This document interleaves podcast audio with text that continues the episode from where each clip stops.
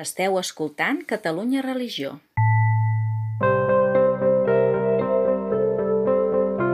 La gravetat i la gràcia de Simone Weil és el primer volum de la nova col·lecció Biblioteca de Pensament Contemporani que publica Fragment Editorial. El llibre s'ha publicat en català aquest mes d'abril, fins que no es va editar per primera vegada el 1947. La filòsofa francesa era només coneguda com a activista política. És un llibre que descobreix l'experiència espiritual de Weil. Ens el recomana el professor Josep Oton.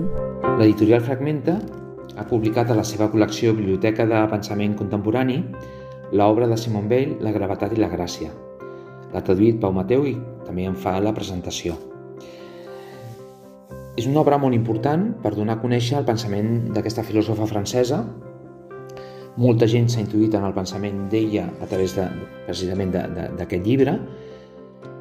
Eh, és un llibre que ella no va, no va escriure explícitament. O sigui, ella, que era molt coneguda pel seu compromís polític en la lluita obrera, va ser, per exemple, miliciana a la Guerra Civil eh, i no, no va matar ningú ni va fer cap barbaritat, però estava molt compromesa amb, amb el seu temps, amb la política, va ser molt crítica era una, una pensadora de, de primer nivell, va,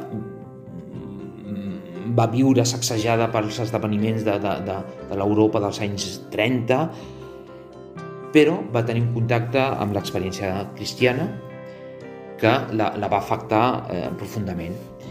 I quan estava eh, al sud de França, perquè França va ser ocupada pels alemanys i es va refugiar al sud de França, va ser acollida per Gustave Thibon, i, va treballar amb els seus camps a, a la Barema i ella anava escrivint els seus pensaments amb uns quaderns.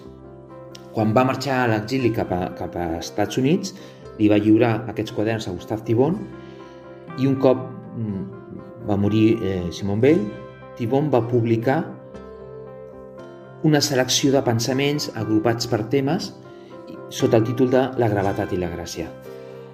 Això va ser mm, bueno, un terrabastall, perquè molts que coneixien a Simon Weil com a activista política van descobrir la, la seva dimensió mística i, i molta gent creient va trobar una autora que s'acostava al cristianisme per una, una via impensable.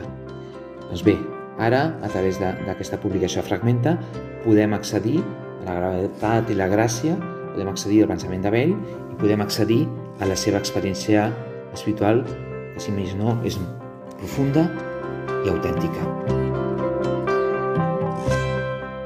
Catalunya Religió